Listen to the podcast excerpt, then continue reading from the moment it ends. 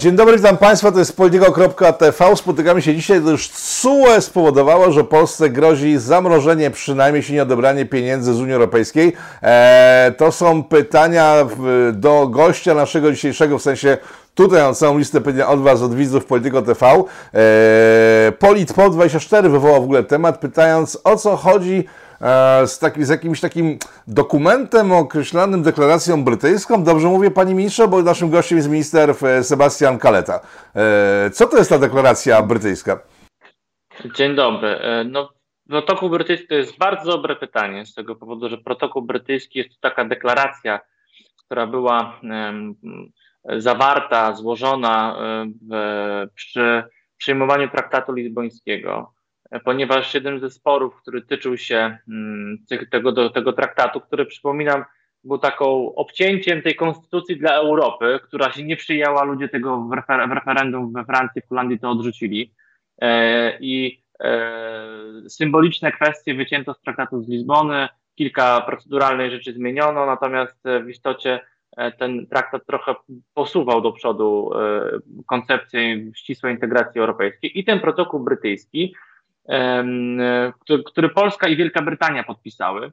E, to jest e, protokół, który zakazuje rozszerzania kompetencji Trybunału Sprawiedliwości Unii Europejskiej w zakresie narzucania Polsce interpretacji Karty Praw Podstawowych, czy generalnie jakieś e, narzucania Polsce stosowania Karty Praw Podstawowych w zakresie, który zinterpretuje Komisja Trybunał Sprawiedliwości Unii Europejskiej. Ja może odczytam, bo to są dwa krótkie przepisy. E, na czym to e, polega? Karta nie rozszerza, czyli Karta Praw Podstawowych, nie rozszerza zdolności Trybunału Sprawiedliwości Unii Europejskiej ani żadnego sądu lub Trybunału Polski lub Zjednoczonego Królestwa do uznania, że przepisy ustawowe, wykonawcze lub administracyjne, praktyki lub działania administracyjne Polski lub Zjednoczonego Królestwa są niezgodne z podstawowymi prawami, wolnościami i zasadami, które są w niej potwierdzone.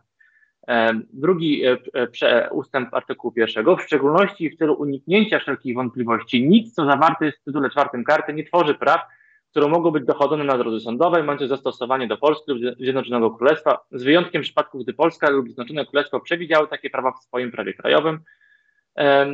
I teraz artykuł drugi. Jeśli dane postanowienie karty odnosi się do ustawodawstw i praktyk krajowych, ma ono zastosowanie do Polski lub Zjednoczonego Królestwa wyłącznie w zakresie, w jakim prawa i zasady te zawarte w tym postanowieniu są uznane przez ustawodawców praktyki Polski lub Zjednoczonego Królestwa. I co to oznacza w praktyce tego sporu o praworządność, bo, bo to jest istotne. A mianowicie chodzi o to, że Trybunał Sprawiedliwości Unii Europejskiej w swoich orzeczeniach dotyczących Polski wprost wiąże e, rzekome naruszenia z artykułem 47 Karty Praw Podstawowych i wskazuje na przykład w wyroku tym słynnym co tam potem sędziowie Sądu Najwyższego się zebrali i powiedzieli, że ten jest sędzią, ten nie jest sędzią i w ogóle sobie wymyślili, że będą decydowali o kształcie prawa w Polsce.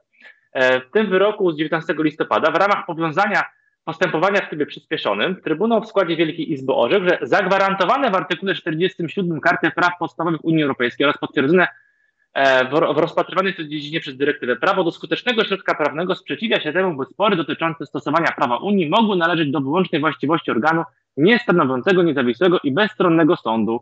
Czyli krótko mówiąc, cały ten spór o praworządność w Polsce, e, poza już kwestią, że sądownictwo nie jest w traktatach, to opiera się na zasadzie, która, która została wyłączona wobec Polski, że Trybunał Sprawiedliwości nie może oceniać Polski w jakikolwiek sposób w kontekście karty praw podstawowych. To sobie zastrzegliśmy przyjmując traktat z Lizbony. Jest to wyrzucone do kosza. My oczywiście jako e, strona polska w tym postępowaniu podnosiliśmy to, żeby była jasność, ale to oczywiście zostało zignorowane.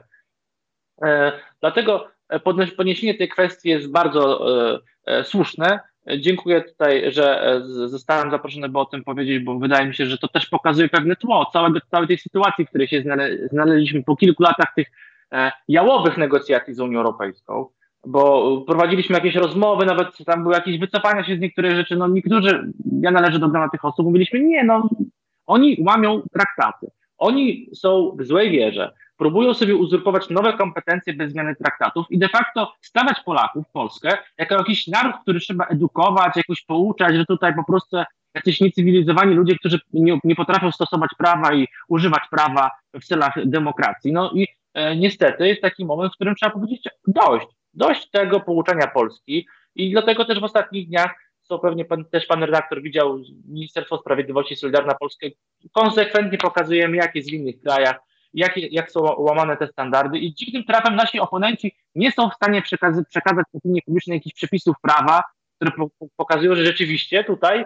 e, coś tam mogą zrobić realnie zgodnie z prawem, tylko to takie e, komunały pod tytułem e, Polska nie przestrzega praworządności, Polska tutaj niestety stawia się na marginesie, psujemy relacje z Unią Europejską i tutaj w ogóle takie zero konkretów. A tutaj Myślę, że podałem konkret, przynajmniej w tej pierwszej kwestii. No dobrze, ale w chwili, kiedy tak, e, Unia łamie traktaty, łamie, podpisa, łamie podpisane z Polską umowy, ignoruje kompletnie głos Polski w tym mówiący o tym, że ej, halo, jest coś niedobrze, bo łamiecie umowy, w świetle których weszliśmy w ogóle do tego całego e, interesu, to co my stricte jako kraj możemy zrobić? Bo takie pochukiwanie na nich, pokazywanie im, że we Francji jest tak, w Niemczech jest tam, w Hiszpanii jest tak, wszędzie jest tak, jak, jak u nas, czyli po prostu ignorowanie przepisów przepisów TSUE, które są szkodliwe dla, dla danych państw, no to, to trochę, trochę mało, tak? Co możemy zrobić tak na twardo, żeby e, przełamać impas, no bo to jest, no to jest impas w tej chwili, tak? Przede wszystkim, panie redaktorze, Solidarna Polska w ubiegłym roku, w ogóle my byliśmy pierwszą partią e, w, w Polsce, która w ubiegłym roku zwróciła uwagę, w połowie roku, w lipcu, że halo, coś się wokół budżetu unijnego niedobrego dzieje, bo próbują nam wcisnąć jakiś po prostu parabezpiecznik, który pozwoli im zabierać dowolnie pieniądze, Polsce blokować pod presją, jakąś właśnie taki, taki, pod takim szantażem, jaki dzisiaj obserwujemy. I jak pan redaktor i widzowie Polityko TV z pewnością doskonale wiedzą, my pokazywaliśmy e, o co chodzi w tym mechanizmie i jakie Polska ma narzędzie. Mieliśmy weto. Mieliśmy weto, które było taki, taką, naszą, taką naszą tarczą jako Polski, która, które to weto pozwala nam mówić, nie, nie, nie, my widzimy, co wy planujecie, widzimy, że chcecie łamać traktaty, widzimy, że chcecie nas gnębić, by e, tak naprawdę E, polsk konserwatywne rządy, żeby jakiekolwiek społeczeństwo w Unii Europejskiej zobaczyło, że jak wybierze konserwatywny rząd, to będzie można to społeczeństwo, to państwo gnębić. Nie, nie, my to widzimy i dopóki wy się z tego nie wycofacie, to nie będzie funduszu odbudowy, to nie będzie nowego budżetu, bo mamy taką tarczę obronną właśnie, tak? Niestety z tego zrezygnowaliśmy. Uznaliśmy, daliśmy wiarę, po prostu daliśmy wiarę, że jednak jest ta lojalna współpraca w ramach Unii Europejskiej, że będą szanować traktaty. No niestety widzimy po pół roku, co się dzieje. I teraz co możemy zrobić? Oczywiście, panie redaktorze, scenariuszy jest wiele. Mimo, mimo tego, że tego, tej tarczy już nie mamy, scenariuszy jest wiele. Natomiast e, nie chciałbym tutaj dzielić się wszystkimi możliwościami, ponieważ no, z pewnością no, to jesteśmy w konflikcie i bym, bym powiedział nawet bardziej, jesteśmy poddani agresji, więc w takiej sytuacji dzielenie się publicznie również pomysłami pewnymi taktycznymi, no byłoby e, o tyle niemądre, że po prostu przeciwnik, a to już możemy tak mówić, przeciwnik by to obserwował i szukał e, swoich rozwiązań, żeby temu przeciwdziałać. Natomiast niewątpliwie e, musimy trwać, dopóki, dopóki nie podejmiemy dalszych kroków, musimy trwać w zwarciu. Dlaczego? Ponieważ już nawet dzisiaj widać pierwsze komentarze z Europy Zachodniej, które płyną w tej sprawie. I płyną komentarze nie takie, jak przez kilka miesięcy, dobrać się do tej Polski, e, zgnębić ich, tak? zagłodzić ich, jak mówili niektórzy. Przed, chwilą, przed, przed, chwilę przed naszą rozmową widziałam, przeczytałem komentarz przewodniczącego niemieckiego Bundestagu, pana Schlauble, bardzo wpływowego niemieckiego polityka, który przestrzega przed eskalacją konfliktu z Polską i Węgrami, jako szkodliwego dla, nie dla Polski i Węgier, ale dla Unii Europejskiej. E, coraz więcej polityków na zachodzie mediów jako że ten spór jest taki zdecydowany, e, obserwuje ten spór. I my jako Polska mamy teraz po prostu, to jest ten moment, w którym my powinniśmy twardo pokazać nasze stanowisko, twardo pokazać, dlaczego się nie damy e, tutaj zaszantażować, twardo pokazać, dlaczego mamy rację. I właśnie pokazywać właśnie konsekwentnie to, że dlaczego Polsce jest problemem i takim wielkim straszeniem, jakimś, jakąś niepraworządnością w Polsce, że sobie wprowadziliśmy system wyboru sędziów jak w Hiszpanii, a gdybyśmy w ogóle postąpili, jak, gdybyśmy w ogóle E, no, spojrzeli na Niemcy, to już Niemcy 50, 50 takich postępowań powinny mieć za każdy land, za, za większość landów i za system federalny. No, wyobraźcie sobie, szanowni państwo, że e, w Niemczech sąd, sędziów Sądu Najwyższego wybiera się w ten sposób, że zbiera się taki niemiecki minister Ziobro razem z 16 wojewodami nominowanymi przez rząd, czy tam marszałkami województw i wybiera w parlament kolejnych 16 członków, e, najczęściej parlamentarzystów, czy jakichś związanych ludzi z politykami i oni wybierały sędziów Sądu Najwyższego, nie żadni sędziowie w KRS-ie. I kto ma problem z Niemcami? Ba, ten CUE cały wydał wyrok rok temu, że taki system jest dobry, bo generalnie Niemcy są taką stabilną demokracją z utrwaloną tradycją prawną. którą no, Polska swoją drogą poznała kilkadziesiąt lat temu. I w związku z powyższym nie, nie ma wątpliwości, że ci sędziowie nie słuchają polityków. No ale w przypadku, w przypadku Polski jest tak, bo cała ta sprawa sądownictwa opiera się na czymś, że sędziowie Trybunału siedzą w tym Trybunale, mówią, ale mamy wątpliwości, czy oni odbierają telefon od polityków. Czyli nie jest to oparte na prawie, na dowodach, tylko na jakimś mniemaniu.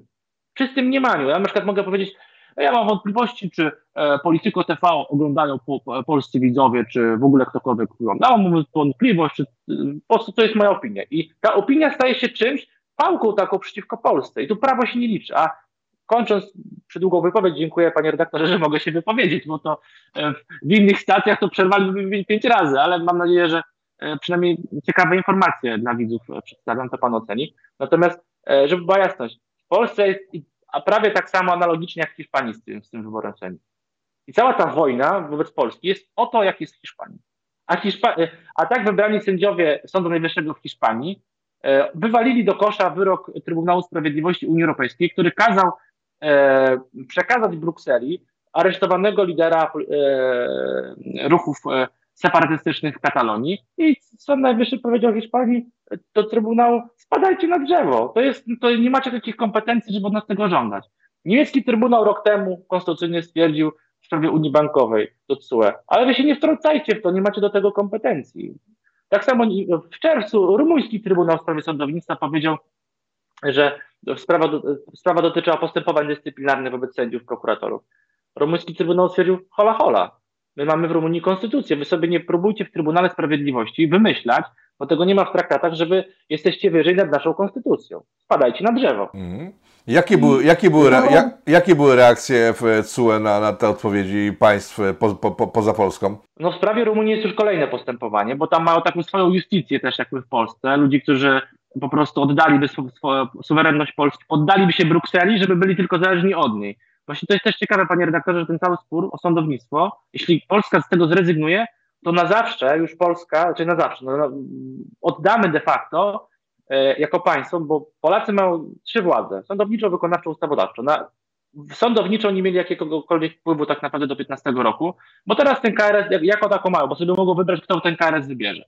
Natomiast jeśli w, tej, w tym sporze ulegniemy, to o tym, jakie sądownictwo ma być w Polsce, czyli jedna z władz, nie będą decydowali wyborcy, nawet wybrani przez nich pośrednio politycy, ale Bruksela bezpośrednio, bez zmiany konstytucji, bez zmiany traktatów. I wobec Niemiec, Rumunii i Hiszpanii, panie redaktorze, odpowiadając wprost na pytanie, żadnych konsekwencji oczywiście nie ma. I Niemcy i Hiszpanii już mają środki z funduszu odbudowy. No, Rumunii za, za kilka dni pewnie dostaną. No i co? No i to, to jest prawo, czy to jest po prostu polityka. No i tutaj trzeba być twardym, tak? Rozumiem. Czy to jest spór pomiędzy Polską a Berlinem? Bo Unia, czy to, jest, to jest mój obraz, tak? Unia Europejska, czyli, czy, czyli Czwarta Rzesza, e, Berlin rządzi. Teraz tak, czy to jest spór pomiędzy Berlinem a Warszawą, czy to jest spór ambicjonalny jakichś e, dziesięciorzędnych polityków holenderskich i innych, e, którzy po prostu postawili sobie za punkt takiej ambicji, że oni pokażą Polsce, że są bardzo ważni? Czy to, jak, jak to wygląda? No, państwem, które najbardziej korzysta na integracji europejskiej są Niemcy, więc nie przewiduję, żeby takie daleko idące działania i zresztą to, to rozporządzenie warunkujące wypłaty z budżetu no było przyjęte kiedy? Podczas prezydencji niemieckiej. To Niemcy docisnęli kolanem to rozporządzenie. E, I e, w związku z tym oczywistym dla mnie jest, że tutaj wiodąca jest rola e, kierunków polityki niemieckiej, która no nie, nie, nie chce, żeby w ramach Unii Europejskiej e, były jakieś głosy, które e, kwestionują kierunek Unii Europejskiej. I no oczywiście oczywistym jest, że ten poziom federalizacja Unii Europejskiej, dominacja gospodarcza Niemiec i w oczekiwaniu być może polityków niemieckich powinna się przekształcić również w dominację polityczną. No ale to są oczywiście takie opinie, tak? Natomiast istotnym jest to, że ta sprawa ma charakter fundamentalny. Na Polsce się eksperymentuje, zobacz, e, e, próbuje się sprawdzić, na ile sobie można pozwolić wobec krajów, e, które nie są takie, można powiedzieć, potężne gospodarcze jak Francja czy Niemcy, bo po opuszczeniu Wielkiej Brytanii one, ich, ich rola się i pozycja wzmocniły, no i sobie właśnie można pozwolić. No i teraz rolą polskiego rządu, uważam, patrioty, każdego patrioty w Polsce jest to, by utrzeć nosa tym biurokratom. By powiedzieć, hola, jesteśmy suwerennym państwem, mamy swoje zobowiązania, które szanujemy, ale wy nie, nie możecie wykroczyć poza, poza to, co zostało wam przyznane, bo w przeciwnym razie będziecie uzurpatorami, agresorami i my tutaj w Polsce nie pozwolimy sobie na odbieranie wolności, na którą tak ciężko pokolenia Polaków pracowały i walczyło. To, to są duże słowa, ale po prostu przejdźmy do konkretów.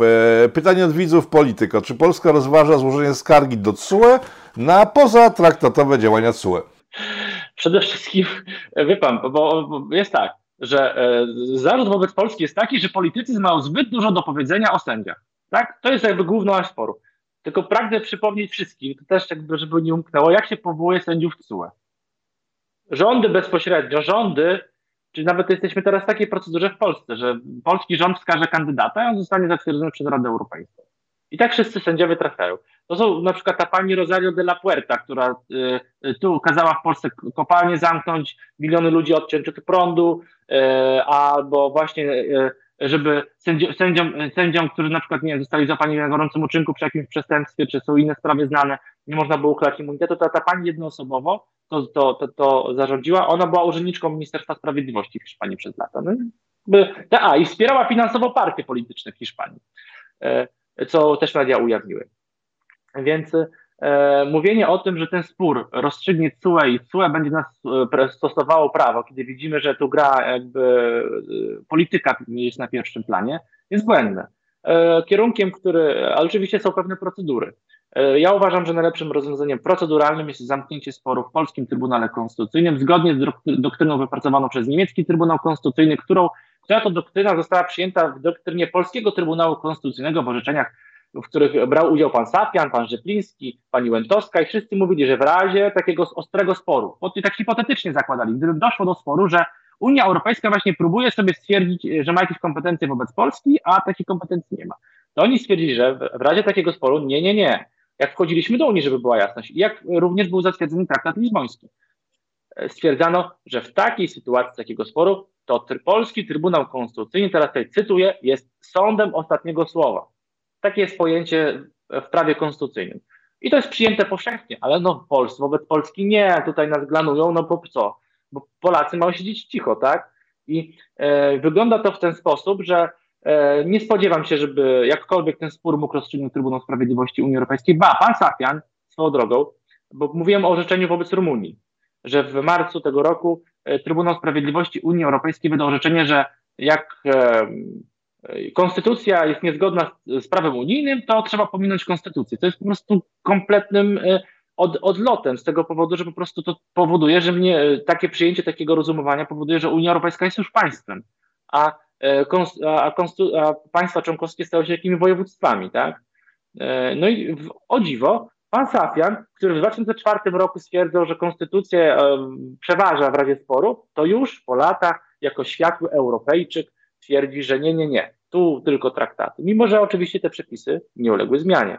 W tym czasie e, w zakresie takim ustrojowym, można powiedzieć kompetencyjnym, więc kończąc tą przydługą wypowiedź, e, ten spór Trybunał Sprawiedli w Trybunale Sprawiedliwości nie zostanie rozwiązany. On zostanie rozwiązany tylko i wyłącznie narzędziami politycznymi. Po, wspo- no, no. E, wspomniał pan minister o Turowie, tutaj jest następne pytanie widzów polityko, czy nie można po prostu tych sędziów e, pozwać osobiście do sądów za działanie na, szko- na szkole polskiej, coś zrobić, bo ja cały czas nie słyszę odpowiedzi, co my właściwie możemy, co, co, co my robimy, co my możemy zrobić, bo to jest tak, że e, mówi pan o tym, że Unia nakazuje nam rzeczy niezgodne z traktatami, my ich nie wykonujemy, bo są niezgodne z traktatami, a w finale i tak jesteśmy karani za to, że e, nie chcemy, że, chcemy przestrzegać e, traktatów europejskich. Więc pytanie, jak uderzyć tych ludzi, którzy podejmują tego typu decyzje, bo jeżeli jakaś pani albo pan e, w Brukseli narzucają nam kwestię na przykład Turowa, wyłączenie Turowa, narzucają nam to, oczekując, że my to zrobimy, a Turów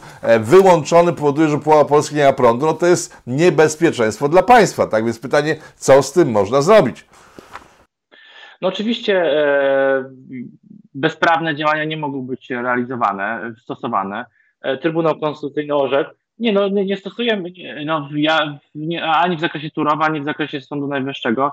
E, Polska tych orzeczeń nie uznaje, zresztą nie może tego zrobić, bo skoro Trybunał Konstytucyjny stwierdził, że te środki tymczasowe z palca wydawane e, są poza kompetencjami, że to jest uzurpacja, no to przecież polityk w Polsce, który by stosował wbrew wyrokowi Trybunału Konstytucyjnego. Mógłby potencjalnie również przed Trybunałem Stanu odpowiadać, tak? Ale, ko, ale konsekwencje tego ponosimy, bo, bo, zamrożenie pieniędzy, bo zamrożenie pieniędzy dla Polski to jest real, realna konsekwencja, Oczywiście. tak? Oczywiście, no panie redaktor, tak jak mówiłem w odpowiedzi na wcześniejsze pytanie, e, pomysłów jest wiele, naprawdę jest wiele, natomiast każdy z tych pomysłów e, jest e, jakby trwaniem zwarci, to do, posuwaniem tego, tego do przodu. To znaczy, no, na, na, na, na atak, agresję trzeba odpowiedzieć również obroną. Obrona również E, obrona konieczna jest agresją, tak? Rozumiano w ten sposób, że używa się siły. Ja jestem zwolennikiem tego typu rozwiązań, a przecież e, nie jest tajemnicą, że e, przepływy finansowe między Polską a krajami zachodnimi, pewne rachunki również są znane publicznie, niekoniecznie oddają równowagę między tym, co do Polski przypływa, a z niej wypływa później. Jeśli mówimy o transferach z funduszy europejskich, a następnie wypływie poprzez E, korzystanie z nich przez firmy zachodnie. I tutaj rozwiązań jest e, na stole bardzo dużo. Nie chcę o nich mówić, bo tak jak powiedziałem wcześniej, zdradzenie taktyki w takim sporze jest e, na tym etapie niepożądane. Niemniej mogę widzom politykom powiedzieć wprost, że ja należę do grona tych osób, które rekomendowały i ciągle rekomendują i będą rekomendowały stanowcze, zdecydowane odmawianie i tej uzurpacji i nieuleganie presji. E, trwanie w zwarciu jest szansą dla Polski pokazania, że w tym sporze jesteśmy atakowani nie, niezgodnie z prawem. I to już powoli widać w kilku relacjach e, opisujących ten spór. I nie możemy dopuścić do tego, żeby to, co w Polsce jest podobne jak w Hiszpanii, a nie tak daleko idące jak w Niemczech, było e, robieniem z, nas, z naszego państwa jakiegoś mitu e, autorytaryzmu, dyktatury, z czego tam sobie ta opozycja w Polsce nie wymyśli, bo to facto to ona jest tutaj całym motorem gdyby nie opozycja, to w ogóle by tych problemów nie było tak naprawdę, bo e, Unia sobie pozwala na to z tego powodu, że ma wsparcie opozycji, która po prostu, by wrócić do władzy, to w ogóle nie zwraca uwagi, że po, po drodze by się wyzbyła polskiej suwerenności. No, mieliśmy przykład z ostatnich, mamy ciągle przykład z ostatnich tygodni, kiedy to op opozycja w ramach wysadzenia waszego rządu jest gotowa e, otworzyć granice na przykład na imigrantów, żeby tylko po prostu prowadzić do, e, do, do, do, do, do, do upadku rządu, tak? Ale to są działania, ale to są już działania antyeuropejskie, bo nawet Unia tego, e, tego, tego nie chce. Nie, nie, tam w Niemczech zaraz są wybory, to oni, oni, oni, oni tutaj nigdy żadnego imigranta teraz, to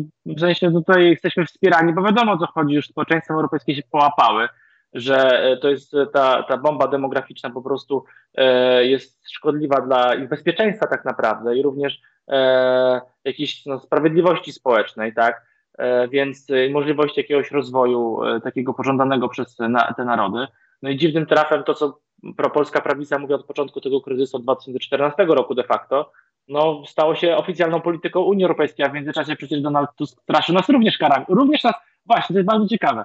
E, Donald Tusk przecież z imigrantami nas straszył karami dokładnie tak, jak się dzieje teraz. Mówił, będziecie płacili, bo nie przyjmujecie imigrantów. I co, zapłaciliśmy cokolwiek? No nie zapłaciliśmy, trwaliśmy w swojej postawie i trwanie w tej postawie w zdecydowany sposób spowodowało, że de facto e, polityka, którą sugerowaliśmy, stała się polityką unijną.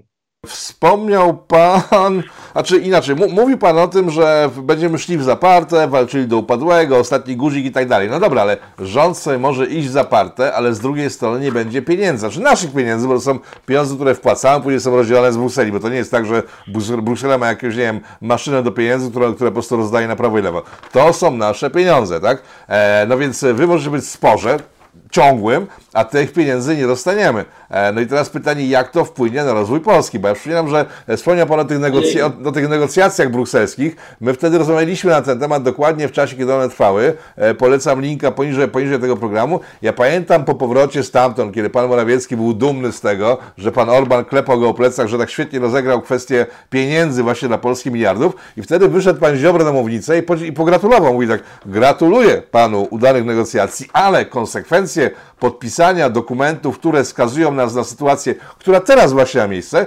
będzie na Pana karku, tak? No i teraz e, pytanie, czy my bez tych pieniędzy pociągniemy, czy damy sobie radę, przetrwamy e, ten atak na naszą własną kasę, czy dojdzie do, no powiem, kryzysu związanego z brakiem pieniędzy na nowy ład e, promowany przez Zjednoczoną Prawicę na przykład? Znaczy przede wszystkim, tak jak mówiłem wcześniej, Narzędziem, które nas chronił przed tym scenariuszem było weto. E, Tak, już go nie ma. To, to jest bardzo, bardzo ważne, ponieważ pragnę, żeby wszyscy zobaczyli, że e, te wszystkie działania agresywne zaczęły się tak intensywnie wtedy, kiedy my się tego narzędzia pozbyliśmy, więc jakby tutaj diagnoza pana ministra Ziobro była e, prawidłowa. Tego właśnie ironicznie gratulował pan Ziobro panu Morawieckiemu, tak, bo pan Morawiecki za pieniądze oddał blok blokadę na zakusy Brukseli, tak? Pan minister Ziobro, to była wypowiedź z lipca, nie z grudnia i e, panie redaktorze, a to jest bardzo ważne. Ale to jest bardzo ważne, panie redaktorze, bo w lipcu pan minister Ziobro, e, kiedy my właśnie mówiłem o tym historii, że w lipcu my, Solidarna Polska, pierwsi alarmowaliśmy, tak? I pan premier przyjechał z Brukseli i powiedział, że e, to rozporządzenie o warunkowości wypłat będzie, jedno, będzie konieczna jednomyślność, żeby za każdym razem odbierać środki. I że to będzie jakaś walidacja. Oczywiście autorzy tego pojęcia do dzisiaj są e, gdzieś tam, nie, nie chcą powiedzieć, co się z tą walidacją stało. Natomiast e, wtedy minister Ziobro rzeczywiście w Sejmie powiedział, że ufa panu premierowi, że będzie tak, jak mówił. Ale jeśli nie będzie tak, jak mówił, no to będzie niestety dla Polski źle. No i potem w grudniu okazało się, że nie ma tej jednomyślności i będzie większość kwalifikowana, żeby te środki odbierać, ale przyjęto konkluzje, które rzekomo e, powodują, że to będzie odleczone w czasie i w ogóle trudno będzie ten mechanizm zastosować. Natomiast myślę, że ten mechanizm jest bezprawny i działania komisji są bezprawne. Dzisiaj komisja działa w oparciu o Dzisiaj Komisja Europejska ma inne przepisy, ale nastawienie jest takie dokładnie, jak mówiliśmy. Wyzbędziemy się weta, będą atakować. Teraz, panie redaktorze, mowa o finansach. Tak. tak? E, Czy my możemy jakoś ugryźć Brukselę finansowo? Przecież my też im płacimy pieniądze. E, Czy możemy zablokować nasze tak. fundusze, ograniczyć działalność e, firm europejskich w Polsce? Nawet nie ograniczyć, tylko po prostu, żeby zaczęły wreszcie tutaj płacić podatki. No może jak oni zobaczą, że tracą pieniądze wreszcie, że to nie jest cholerne Eldorado, gdzie tylko i wyłącznie zarabiają bez, bez inwestowania, może wtedy się obudzą. Panie redaktorze, ja jestem zwolennikiem działań symetrycznych. Jeśli w ramach rozliczeń, które mamy z Unią Europejską, nie są one, te zobowiązania przestrzegane. E, mamy prawo e, w ramach tych rozliczeń wzajemnych poszukiwać zasobów finansowych, które pozytywnie wpływają na gospodarki tych państw, które również korzystają na tym, że Polsce nie są wypłacone pieniądze. Znaczy nie może być tak, że my płacimy składkę, na polskiej gospodarce wielkie firmy niemieckie, francuskie hiszpańskie po prostu się wzbogacają, portugalskie. Przecież e, znane, wiadomym jest, że dziwnym trafem te firmy w swoich krajach pochodzenia płacą normalne podatki, a w Polsce dziwnym trafem jakoś to jest nieopłacalne, że są jakimś tutaj charytatywnie w Polsce są i nie zarabiają żadnych pieniędzy, a okazuje się, że za znaki towarowe muszą centrali płacić gigantyczne pieniądze. I ja jestem zwolennikiem tego typu działań, natomiast panie redaktorze konsekwentnie powtarzam, że y, uważam, że mówienie o konkretnych propozycjach, kiedy te kary jeszcze, te kary, tak jak z Donaldem Tuskiem. To jest tylko taka próba sił w momencie. No dobrze, ale, jest, dobrze, ale jesteście u władzy od 6 lat, tak? Od 6 lat słyszę o tym, że właśnie są e, opłaty za loga wysyłane do Portugalii, do Niemiec, do Hiszpanii. 6 lat minęło i nic z tym nie zrobiono, więc po prostu może po drugiej stronie jest przekonanie głębokie, słuszne zresztą, że Polska to jest jakiś taki kraj, który, z którym może robić wszystko i na wszystko sobie pozwoli, bo 6 lat minęło i w tym temacie nic się nie stało, tak? Więc e, no... Panie redaktorze, te, tego typu sprawy zawsze, właśnie regulacja tego typu spraw zawsze rodziłaby dyskusję o tym, czy to narusza prawo europejskie. I wydaje mi się, że gdyby było tak, że wobec nas są łamane zasady, to y, interpretacja tego typu zobowiązań powinna być in favorem polskiej racji stanu, tym, tym bardziej, że prawo unijne dopuszcza w stosowaniu y, ograniczeń w przepływach wskazanych w traktatach zasadę subsydiarności, pomocniczości, czyli krótko mówiąc, E, każde takie działanie, bo nie jest tak, że bezwzględnie, żeby też była jasność. Z, zasady przepływu wynikające z prawa unijnego e, nie są bezwzględne. Państwa członkowskie w wyjątkowych sytuacjach, i to wynika z orzecznictwa TSUE, mogą stosować ograniczenia. I wydaje mi się, że w takiej wyjątkowej sytuacji, w razie braku przepływów e, funduszy unijnych bezprawnie wobec działań komisji, się Polska by znalazła. I ja jestem zwolennikiem tego typu rozwiązań, szukania równowagi finansowej poprzez podejmowanie działania fiskalne w Polsce, a o szczegółach nie bo po prostu jest za wcześnie na to. No dobrze, ilu takich jak Pan jest tam zwolenników tej, tej, tej, tej, tej, tej opcji, bo powiem szczerze, że no, te 6 lat, ja przy, przy, przywołam ponownie, e, nie przyniosło jakichś radykalnych zmian w tym temacie, więc kolejne deklaracje mówiące o tym, że w ten sposób ich ewentualnie uderzymy, no, wsadza między bajki tak naprawdę, bo nie no, widzę tego. Panie redaktorze, zobaczymy, jakie będzie stanowisko Prawa i Sprawiedliwości. Stanowisko Solidarnej Polski dotyczące relacji z Unią Europejską w zakresie tego sporu jest znane opinii publicznej od roku. Przypominam, że my, my, zanim w ogóle Konfederacja się połapała, że jest taka sytuacja, my już jako nawet członek koalicji mówiliśmy, że to jest niebezpieczeństwo swojemu partnerowi, a Konfederacja się obudziła w lutym i w ogóle myliła podstawowe pojęcia w tym zakresie. My konsekwentnie w tym zakresie prezentujemy jasne, klarowne stanowisko i co jest najważniejsze, nasza postawa, kiedy trzeba podnieść ręce za w głosowaniu, w tej sprawie również jest konsekwentna, bo przypominam, że e, właśnie powołując się na te argumenty dotyczące tego, że nie możemy się pozbyć weta, e, głosowaliśmy przeciw przyjęciu budżetu unijnego. Właśnie my dlatego byliśmy przeciw, bo nam zarzucano, o, nie chcecie miliardów z Brukseli? Ty z was postradaliście rozum? My mówiliśmy, nie, pieniądze Polsce się należą, E, wynik na papierze finanse są fajne. Bardzo fajnie, że takie, że, takie, że takie są wyniki e, negocjacji finansowych, ale my tych pieniędzy możemy nie powąchać, albo znacząca ich część może być Polsce odebrana, albo będziemy co chwilę szantażowani co kilka miesięcy. Zróbcie to, to wam damy kolejną transzę. I mówiliśmy nie, i z tego powodu jesteśmy przeciw.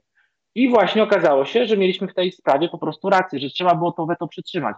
I w związku z powyższym myślę, panie redaktorze, jeśli pan pyta o to, czy to, o czym mówię, jest postawą, która mogłaby się przeistoczyć, przeistoczyć w czyny. Wydaje mi się, że Solidarna Polska, którą reprezentuję e, w ostatnim roku, dowiodła tego e, właśnie w konsekwencji. No tak, ale nie macie takiej siły przebycia, żeby, tak, żeby to zrobić. Wywołał Pan Konfederację, więc spytam, bo jest okazja, bo od dłuższego czasu krążą informacje o tym, że Konfederacja i Solidarna Polska zbliżają się do siebie za sprawą Pana Jakiego i wielu innych polityków Solidarnej Polski, że możliwa jest sytuacja, że na przykład w przyszłości stworzycie taką... E, no nie antypisowską, ale po prostu koalicję z Konfederacją i w ten sposób będziecie e, prowokowali Prawo i Sprawiedliwość do ustępstw w, w, kwestii waszych pomysłów. Na ile w tym jest prawdy? Znaczy przede wszystkim w mojej ocenie w ostatnim roku Konfederacja szuka e, e z dosyć dużymi kłopotami e, nowej tożsamości, ponieważ e, atakowała bez, e, znaczy bezpodstawnie atakowała większość parlamentarną za rzekome uleganie sprawie roszczeń żydowskich. E, a akurat ja poświęciłem lata, e, żeby z ministrem Jakim, żeby po prostu uregulować tę sprawę. Kiedy przyszło do głosowania w sprawie KPA, co zrobiła Konfederacja, no podzieliła się.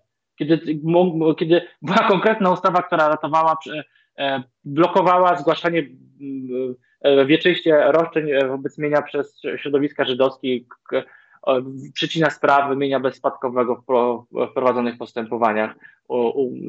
No i mam wrażenie, że Konfederacja dzisiaj jest rozdarta między tym skrzydłem, które chce współpracować z Platformą, co według mnie jest dyskwalifikujące po prostu, jeśli mowa o takim obozie, na który Konfederacja, jeśli mowa o obronie polskich interesów się rysuje, a z drugiej strony jest taka druga grupa, która rzeczywiście w sprawach tych unijnych e, mówi podobnym głosem e, do Solidarnej Polski.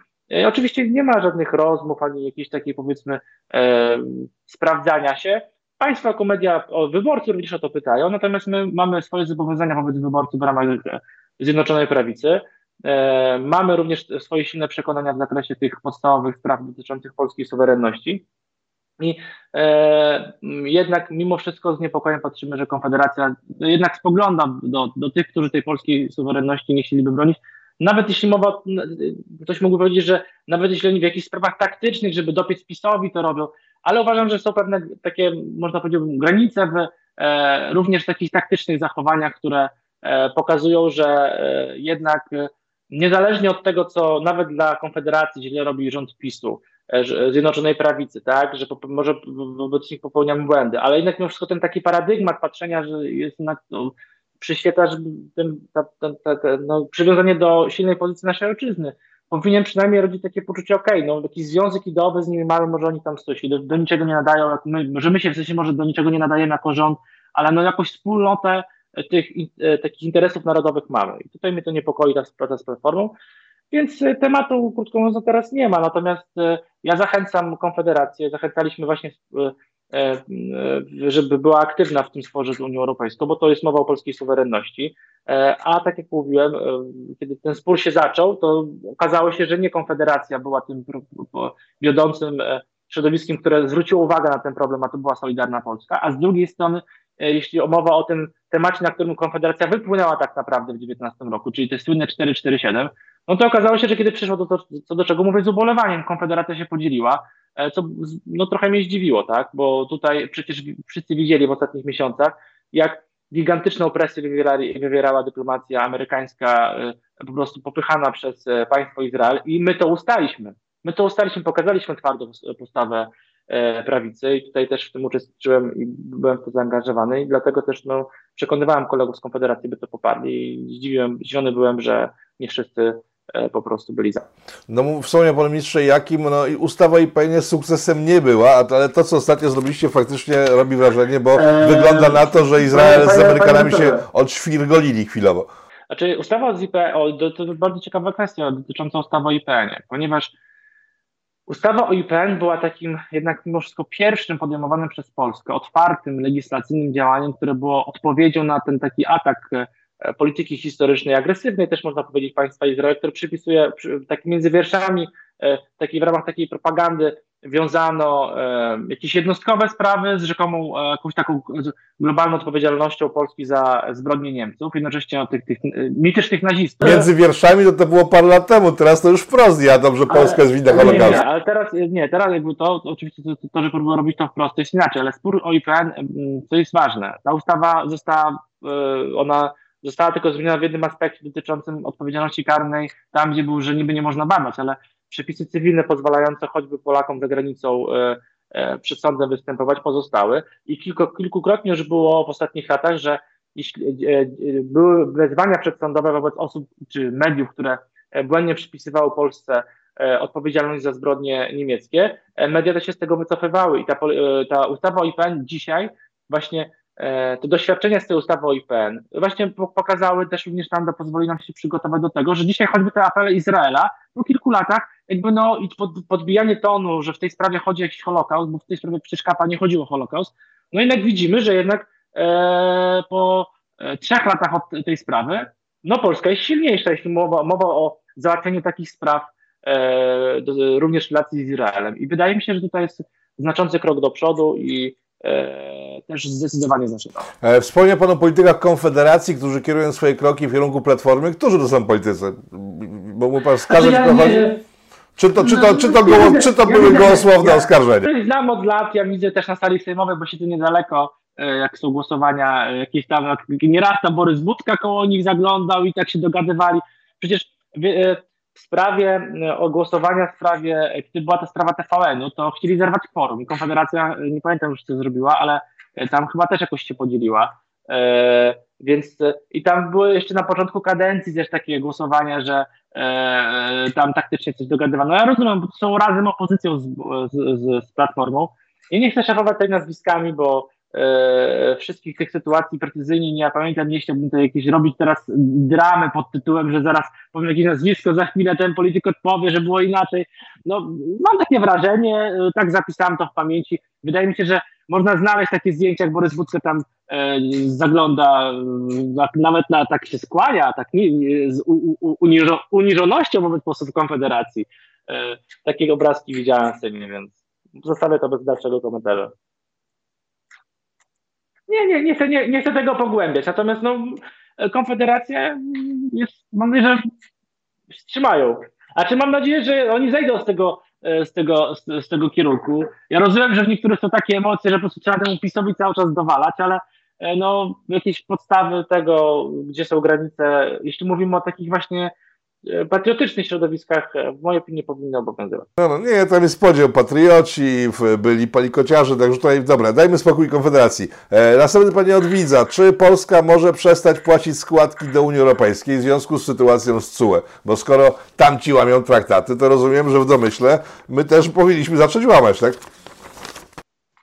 Niewątpliwie nie może być tak, że jeśli jesteśmy atakowani bezprawnie, e, jesteśmy bezbronni i jeszcze mamy być ofiarą i jeszcze ponosić tego konsekwencje. Tak jak mówiłem wcześniej, ja jestem zwolennikiem symetrycznych e, działań, które e, ograniczałoby jakikolwiek uszczerbek dla polskiej gospodarki z uwagi na bezprawne działania Komisji Europejskiej. I takie rozwiązania jestem przekonany, że będą przygotowane, jeśli taka sytuacja by zaistniała, bo mam nadzieję, że to będzie tak jak z tym straszeniem karami za migrantów, i Polska będzie otwarcie broniła swojego interesu. Dobra, zamykamy temat, bo, bo, bo, bo, to, bo, bo to już słyszeliśmy. E, pytanie w ogóle z, z, z innej parafii. E, czy rząd zamierza coś zrobić z lootboxami, czyli szerzeniem się hazardu wśród dzieci w, e, rozumiem, że chodzi o gry internetowe, które pobierają pieniądze, lootboxy. Czy zamierzacie zrobić coś z hazardem wśród dzieci?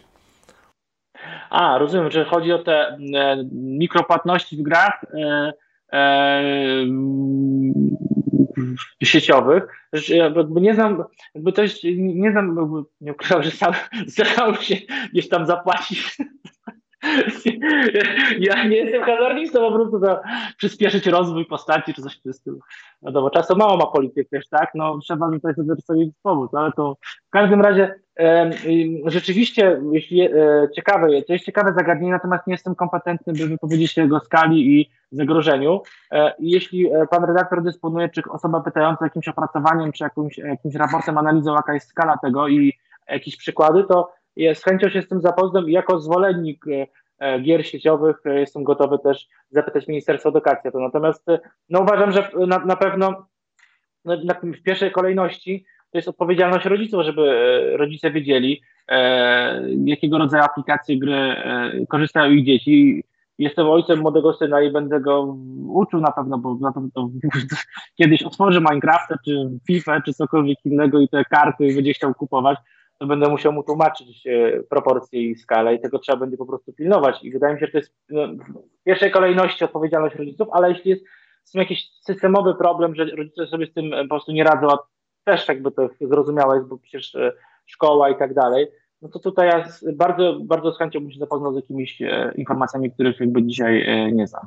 Ja też jestem za tym, że to rodzice pilnowali swoje dzieci, a nie państwo, które będzie ograniczało dostęp do internetu i do płatności nie ma takiej możliwości, natomiast no, e, jeśli, e, no nie wiem jakie są pomysły, no tak jak bym powiedział, to jest, to jest bardzo, uważam, że takie sprawy, gdzie jednak e, może dojść do jakiegoś uzależnienia i tak dalej, no też państwo powinno wspierać rodziców oczywiście w, odpowiedniej proporcji. Czyli jesteście jak Chińczycy, którzy trzy dni temu wprowadzili zakaz grania dzieci w ciągu tygodnia, mogą tylko trzy dni w tygodniu najczęściej weekend grać. No, to mamy... Nie. To, e, w ogóle tak taką politykę, że sami podniosę e, za te ręki, przecież kiedyś byłem dzieckiem też grałem. I... No dobra, ja to teraz moim córkom do Robloxa muszę się dorzucać co jakiś czas, bo przychodzą po jakieś żetony, ale to zamykamy temat. E, myślę, że ostatni dzisiaj temat, ale myślę najbardziej istotny, e, podnosiliście, zresztą rozmawialiśmy o tym w Polityko razem e, parę miesięcy temu, podnosiliście temat cenzury w internecie i ustawodawstwa, które, miała, które miało zablokować cenzurę w internecie. Co z tym ustawodawstwem i czy to wreszcie wejdzie, że duże korporacje zagraniczne, które mają u nas swoje e, komórki social mediowe, czy komórki to jest mało powiedziane, tak? Czy na przykład Facebook, Twitter, e, YouTube i tak dalej, e, nie będą mogły cenzurować treści polskich użytkowników. Co z tą ustawą? Ustawa została już kilkukrotnie zgłoszona do Kancelarii Prezesa Rady Ministrów. Się w tej sprawie cały czas przypominam kolegom w Kancelarii Premiera.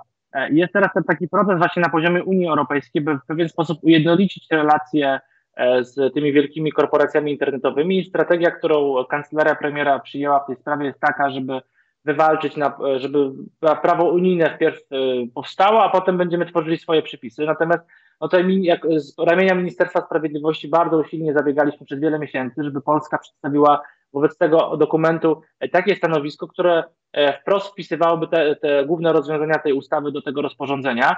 E, I mogę, wiedzą polityką, jako taki, taki, panie redaktorze, nawet news przedstawić, że po wielu e, tutaj dyskusjach udało się przekonać kancelarię premiera, że warto oficjalnie w Unii Europejskiej przedstawić tę propozycję. Toczą się obecnie rozmowy, wiele państw zainteresowanie na to patrzy i ja tutaj twardo walczę o to i na pewno E, o tym nie zapominamy w Ministerstwie Sprawiedliwości. Po prostu uważam, i to jest stanowisko popierane przez e, moich kolegów z Ministerstwa i Solidarnej Polski, że e, Polska musi mieć jako państwo narzędzia, by tam, gdzie nasi obywatele mają ograniczone prawo do wolności słowa, to nie wielka korporacja decydowała o tym, czy coś jest dozwolone bądź nie. W takich miejscach, gdzie jest to usługa taka, można powiedzieć, dzisiaj już powoli staje się taka wręcz żeby być w społeczeństwie, trzeba być w tych mediach społecznościowych. To nie jest tak, że mogę sobie z nich wyjść. E, I to też e, w związku z powyższym te wielkie korporacje są monopolistami pewnej życiowej potrzeby. E, bycia w społeczeństwie tak naprawdę, tak? E, więc nie może być tak, że one same decydują. E, powinny robić to odpowiednie organy państwa, żeby takie spory rozstrzygać. I to tutaj powiem więcej, żeby nie było tak, że nagle nam przed wyborami zdecyduje jaka, jak, jak, jakiś pan czy pani gdzieś na drugiej kuli, na drugiej, na drugiej półkuli, że a to w sumie teraz ten rząd PiSu to taki jest niedemokratyczny, to oni nie mogą e, korzystać, e, przekazywać informacji. E, no i tak trafem kilka dni przed wyborami wszystko gaśnie. Tak? I ja, my, my takiego scenariusza, nawet jeśli on jest może dzisiaj nieprawdopodobny, ale odpowiedzialny. Oni przecież wyłączyli Trump, wyłączyli prezydenta USA w trakcie kampanii wyborczej, więc on, to, to już się dzieje, tak? No i teraz pytanie jednak wrócę. Przyjmuję, przyjmuję, ale no proszę mi wybaczyć, tak. Staram się też trochę koncyliacji zachować w swoich wypowiedziach jako twórcy tych przepisów, ale tu pan redaktor mi postponował bardzo dobrze, e, więc każdy odpowiedzialny polityk powinien takie, na takie rzeczy zwracać uwagę też również długofalowo. E, no i mam nadzieję po prostu, że te negocjacje w Unii Europejskiej e, przebiegną tak, że propozycje Ministerstwa Sprawiedliwości będą w tym rozporządzeniu, a nawet jeśli nie będą, to uchwalimy ustawę w miarę szybko, no ale tutaj to nie są decyzje tylko i wyłącznie w tym momencie Ministerstwa Sprawiedliwości czy Solidarnej Polski. A, a mogę, a panie redaktorze, korzystając z okazji, bo czy mogę, e, zwracam się z apelem do widzów Polityko i pana redaktora, że ja, ja generalnie zbieram e, po powstaniu również ustawy cały czas przykłady takiej właśnie cenzury, która e, jest w mojej opinii nieuprawnioną, a nawet jak się uważam, że może ktoś przegiął, tak mówiąc kolokwialnie, to jednak takie decyzje nie powinny być w rękach Facebooka. No wszyscy znamy historię Nagrody Złotego Goebbelsa z ostatnich tygodni, gdzie po prostu zablokowano stronę, która satyryczną, która pokazywała obłudę niektórych e, mediów mainstreamowych, e, setki tysięcy wyświetleń, bardzo dobre zasięgi, nagle zniknęła. Ja takie przypadki zbieram i jeśli pan redaktor czy widzowie Polityko e, na takie sytuacje trafiały w sieci, że na przykład jakiś pogląd, który jest zgodny z prawem, nie jest jakimś nawoływaniem do tego, żeby, nie wiem, kogoś bić, czy nawoływaniem do tego, żeby po prostu stosować agresję, łamać prawo, tylko jest jakąś polemiką w, w, w jakichś sporach, to zachęcam do przesyłania do mnie, bo ja to zbieram właśnie, e, by wzmocnić argumentację za potrzebą tej ustawy i te, tych przepisów do rozporządzenia unijnego. To ja dorzucę swoją, bo od 6 lat mnie na Facebooku i będę się kopał z koniem i udowadniał, że jestem kimś innym. E, Facebook e, zbanował mnie za wrzucenie zdjęcia Dawida Michała Anioła. E, mimo, mówiąc, że jest golizna, mimo, że w regulaminie właśnie to zdjęcie było jako przykład zdjęcia, którego nie kasują za goliznę, także dorzucam do pakietu. Tak, akurat pana skasowano. Jestem przekonany, że to chodziło o Michała Anioła. Nie, po prostu no to, ja, ja miałem wtedy tam setki banów, także tak, to, akurat, to akurat była, był jeden z elementów takich zabawniejszych. Jednak poproszę o odpowiedź konkretną na to pytanie. Kiedy się można spodziewać owoców, czyli wejścia w życie przepisów, które e, uchronią internautów przed działaniami e, tych korporacji zagranicznych? Teraz bardzo krótko. Rok, dwa, dziesięć... Ja, panie redaktorze, no, złożyłem projekt do kancelarii premiera, e, więc powinno to być już teraz, powinien się kończyć proces legislacyjny tak naprawdę ale tak jak powiedziałem we wcześniejszej wypowiedzi, to już nie są jakby dalej stricte decyzje Ministerstwa Sprawiedliwości, Solidarnej Polski, czy też jakoś moje, tylko po prostu tutaj przekonujemy partnerów z Prawa i Sprawiedliwości z Kancelarii Premiera, by w końcu e, nadano obiekt tej ustawie. Zatem skoro decyzje nie zapadają w miejscu, którym, na które mam, mam wpływ, to mówię, mówię otwarcie po prostu. E, to zachęcam do, również do przekonywania tych ośrodków decyzyjnych do tego, żeby te proces legislacyjny nad tą ustawą po prostu został wdrożony. Dobra, ostatnie pytanie teraz. Przez kilka lat droczyliście się z na temat izb dyscyplinarnych, które z izb wielu zrobiliście jedną, to się Unii nie podobało i wreszcie rząd e, Zjednoczony się z tego wycofał, co ja odbieram jako klęskę de facto tego całego sporu związanego z izbami dyscyplinarnymi. E, jak pan to skomentuje? Krótko. No przede wszystkim to nie chodzi o Izbę Dyscyplinarną, więc jak nazwiemy sobie jakąkolwiek Izbę w Sądzie Najwyższym, to, to, to, to, to nie o to chodzi w tym sporze. Oczywiście możemy powiedzieć, e, e, skoro mówi wszyscy od lat mówią o likwidacji Izby Dyscyplinarnej, że ją zlikwidujemy, e, ale Unia Europejska i tak nie odpuści. Dlaczego? Bo chodzi po prostu o sposób powoływania sędziów. Bo zarzut wobec Izby Dyscyplinarnej nie dotyczy tego, że ona jest, tylko dotyczy tego, jak powołuje się sędziów do tej, do tej Izby. Że oni według e, tych CUE i Komisji Europejskiej nie są sędziami, bo w jakiś sposób nie są powołani. Czyli tak jakby e, Komisja Europejska i CUE mówią, że w Hiszpanii w tej samej procedurze to są sędziowie, a w Polsce nie. I oni sobie tak uznają po dowolności, tak jak wcześniej tłumaczyłem, o tym swoim mniemaniu, czy będą telefony od polityków. Nie dowodów, a mniemaniu. A dalej, patrząc, w związku z powyższym jakiekolwiek zmiany, e, które dotyczyłyby organizacji Izby Dyscyplinarnej Sądu Najwyższego, to naprawdę nie byłoby żadne ustępstwa natury jakby celów reformy. Natomiast ustępstwem byłoby, gdybyśmy e, podważyli status e, sędziów jako taki. Czyli, że oni rzeczywiście nie mogą być sędziami, czy jakiś jest problem z nimi. KRS powołał generalnie, bo to dotyczy KRS-u, ten spór około tysiąca sędziów przez trzy lata. I panie redaktorze, wczoraj byłem w TVP, tam z politykiem Platformy, pytam się go, no trzy lata, tysiąc sędziów, no setki tysięcy, jeśli nie miliony spraw. Proszę wskazać mi jedną, gdzie jest wątpliwość, taka wątpliwość właśnie jak twierdzą tam w CUE, że sędzia odebrał polityko, telefon od polityka i to miał wpływ na orzeczenie. No nie ma, taki, nie ma takiego przykładu, nie ma takiej afery, jak była z tym sędzią Milewskim przez trzy lata, tak? Y, obowiązywania tego systemu. No co to oznacza? Że to wszystkie te, te mniemania to jest prawda, tak, czasami tak, taka prawda, jak się mówi o parafrazując o gazecie wyborczej. E, więc, e, więc po prostu e, jest sytuacja taka, że takie zmiany, one nie naruszałyby istoty reformy, natomiast byłyby testem dla wiarygodności również e, Unii Europejskiej, czy chodzi o Izbę Dyscyplinarną, czy chodzi jednak o paraliż po prostu polskiego państwa. W Izbach Dyscyplinarnych mówili mi sędziowie, z którymi rozmawiałem, że no, to nie był dobry pomysł, bo z wielu izb zrobiła się jedna, która się zapchała. E, także tutaj myślę, że to był dość duży błąd. Czy wróci, w związku z tym, ostatnie krótkie pytanie, e, czy wróci mnogość izb dyscyplinarnych w związku z tym i ta główna zostanie zlikwidowana, czy będzie znowu szli na ścianę, znaczy na zwarcie znaczy, roz, rozumiem, że pan redaktor pyta o to, czy e, wszystkie sprawy dyscyplinarne będą scentralizowane, czy na przykład będą w apelacjach rozwiązywane, tak?